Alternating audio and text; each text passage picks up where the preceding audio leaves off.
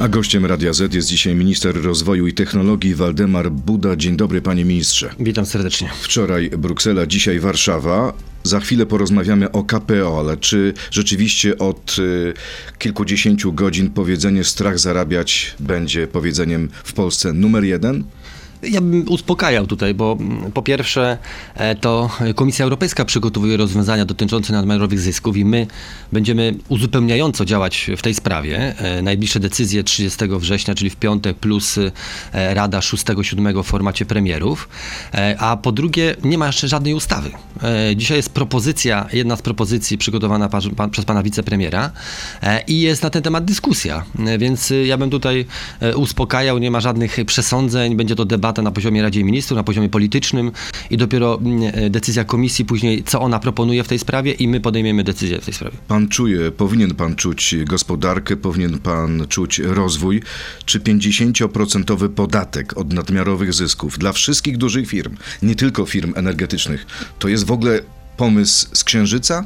Znaczy, ja bym się nie bał tutaj wartości 50%, jeżeli mówimy o gigantycznych zyskach, e, które niektóre firmy wypracowały. Bardziej tutaj trzeba myśleć o tym, do jakiej grupy to adresować. Bo jeżeli ktoś zarabiał 3 miliardy, a, następnego roku zarobił 7 miliardów, a nie zmienił nic w swojej produkcji, no to takie, takie działanie uzasadnione. Natomiast Ekonomista Piotr Kuczyński mówi, że ktoś tutaj oszalał, bo to doprowadzi do zamordowania wszystkich średnich i dużych firm. Ale nic nie zostało przesądzone, y, w którym kierunku adresować i jakie podmioty zostaną tym regulacją objęte. Tak jak mówię, nie ma żadnej ustawy jeszcze w Ale tej jest sprawie. taki pomysł. I ten Jest pomysł dyskusja na ten temat. oburzenie. Myślę, że on jest brzegowy. E, e, e, Teraz e, obserwujemy działania komisji, co zaproponują ze strony podmiotowej. Później decyzja Rady Ministrów i polityczna u nas i dopiero będziemy działali w tej sprawie. Czyli można powiedzieć, że decyzja polskiego rządu jest uzależniona od decyzji Brukseli. No, nie możemy jakby dwóch różnych rozwiązań proponować, albo nakładających się na siebie i nakładających na przykład podatek na te same firmy dwa razy. No niemożliwe jest, to musimy być w pewnym rodzaju komplementarni. A może chodzi tutaj o wprowadzenie i wyprowadzenie kozy? Za kilka dni powiecie, no nie, nie będzie takiego podatku dla wszystkich firm, tylko dla energetycznych. No tu akurat takich zabaw e, nie prowadzimy, e, dyskutujemy poważnie o problemach e, Polaków, bo przecież te pieniądze mają być przekierowane na łagodzenie skutków i między innymi również dla samorządów, dla instytucji wrażliwych jak przedszkola, szkoły, być może dla e, mikro i małych, średnich przedsiębiorstw. Także e, te pieniądze wrócą, tylko jest inna, będzie ich dystrybucja. Natomiast mechanizmu nie, nie mamy przesądzonego. Dobrze, co pan powie prezydentowi Poznania, Wrocławia, który zastanawia się dzisiaj, czy wyłączać latarnie na noc, czy zamykać szkoły?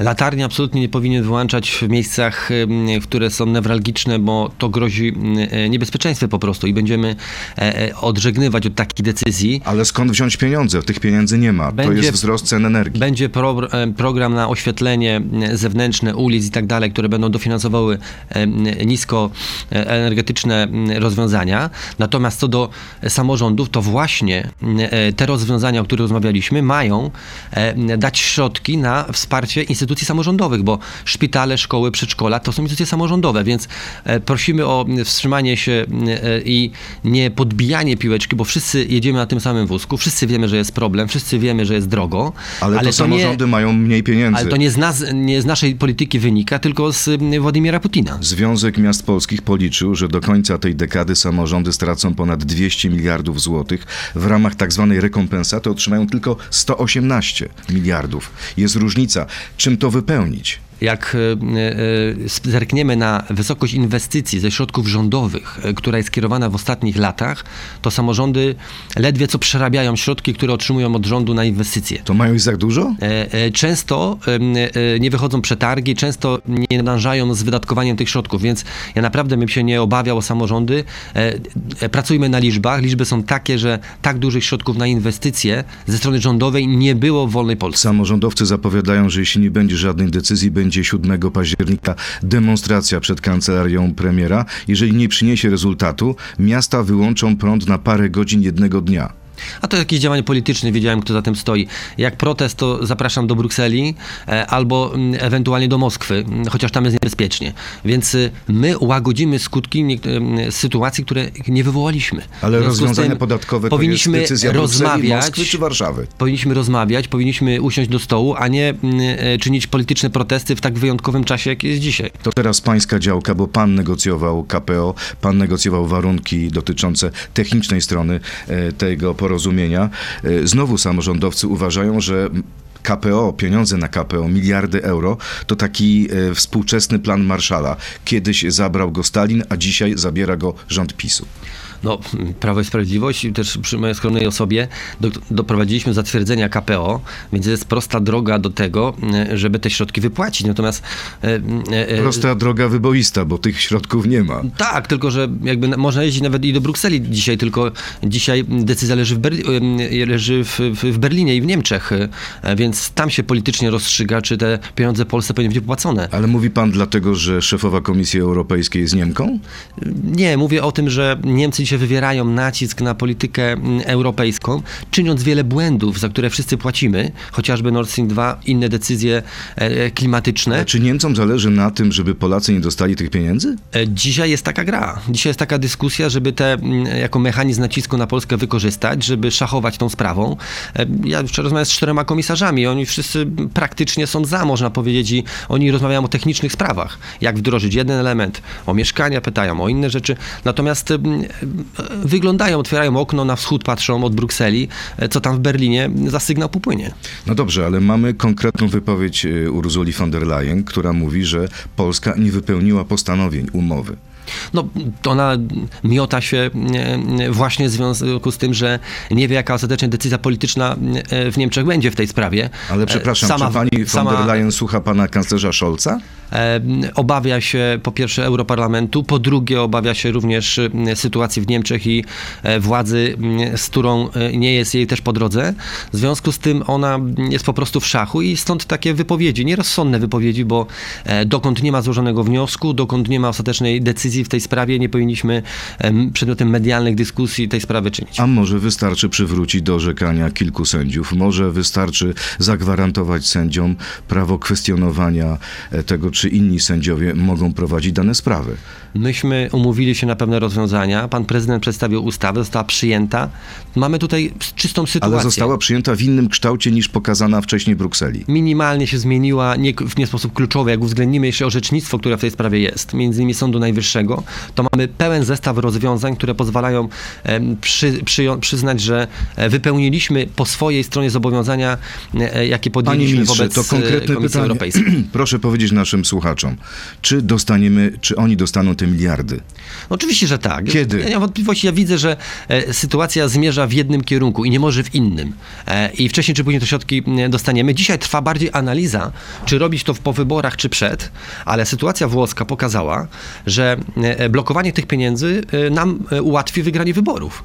E, W związku z tym m, e, wszelkie naciski na kraj członkowski, e, wywieranie wpływu na to, kto ma w wyborach być wybrany, jak chociażby Ursula von der Leyen kontra Meloni, doprowadzi do tego, że wynik m, Prawa i Sprawiedliwości będzie wyższy, bo mamy jasną retorykę w tej sprawie. Czy ja dobrze pana rozumiem? Pan ostrzega Brukselę, że jeśli nie dadzą nam pieniędzy do wyborów, to wygra PiS?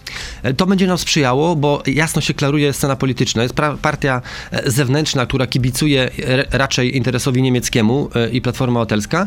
Jesteśmy my, którzy walczą o interes Polski, natomiast gdzieś jest Komisja Europejska, która próbuje w tym grać e, i używać swoich instrumentów do wpływania na e, wybory w Polsce. Mamy taką sytuację, więc myślę, że Polacy też to widzą. A czy nie sądzi pan, że mówienie o partii zewnętrznej odbiera waszym oponentom no jednak cechę patriotyzmu? O, znaczy odbiera i powinno odbierać. Ale dlaczego? Ilość decyzji, jakie były sprzeczne z interesem Polski, których dzisiaj oczywiście ta procedura przefarbowania trwa i oczywiście jest to wszystko mm, odmieniane. Dzisiaj stara się nie pamiętać o tym, że e, próbowano z, Kalin- z Kaliningradem budować elektrownię mm, e, atomową i podłączyć się pod system energetyczny.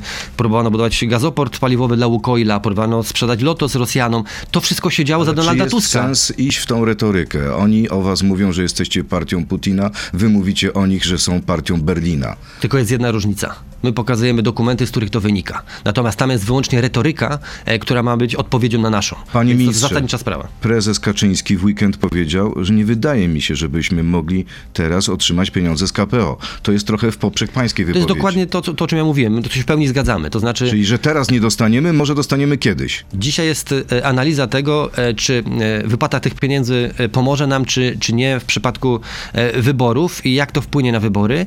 E, Sytuacja włoska e, pokazała, że e, jednak nam to pomoże. W związku z tym jest ponowna analiza w Unii Europejskiej w Berlinie, co w tej sprawie Czyli zrobić. dobrze pana rozumiem, że jeśli Bruksela chce, żeby wygrała opozycja w stosunku do PiSu, to da nam te pieniądze. Powinna, powinna. Kto stoi za wyciekiem gazu z rurociągu Nord Stream 1, Nord Stream 2? Stany Zjednoczone czy Rosja?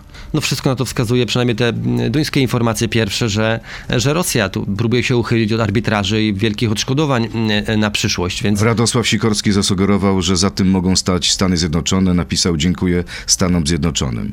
Nie, no to jakaś mm, kompletna, mm, kompletna bzdura. Myślę, że to jest y, działanie, które jest w pewnego rodzaju odwecie do mm, e, otwarcia wczoraj Baltic Pipe i odchodzenia Europy za naszym głosem e, od e, źródeł rosyjskich. W związku z tym, e, no to jest taka retorsja, można powiedzieć. Ale o Więc- co im chodzi? Przecież odci- odcinają tak naprawdę dopływ swojego gazu do, na zachód Europy. Bo i tak wiedzą, że w, że w najbliższym czasie do tego dojdzie, więc są z honorami e, zdecydować, że to awaria mm, o tym zdecydowała, a nie mm, e, myśmy się uniezależnili. Więc prawdopodobnie to jest. e, Pamiętajmy, że mentalność rosyjska jest mentalnością, e, mentalnością mm, która ma charakter e, taki fałszywie godnościowy. Więc oni robią wszystko, żeby się okazało, że tak jest, tak jak oni sobie by życzyli, albo zgodnie z ich planem. Natomiast niekoniecznie tak to w praktyce wygląda. Musimy już kończyć, bo pan minister biegnie na posiedzenie rządu. Właśnie co się dzieje? W poniedziałek posiedzenie, dzisiaj posiedzenie jest bardzo gorąco. Gorąco pod y, stołkiem premiera Morawieckiego? Bo my e, e, żyjemy w gorących czasach, wyjątkowych czasach i musimy się do tego dostosować.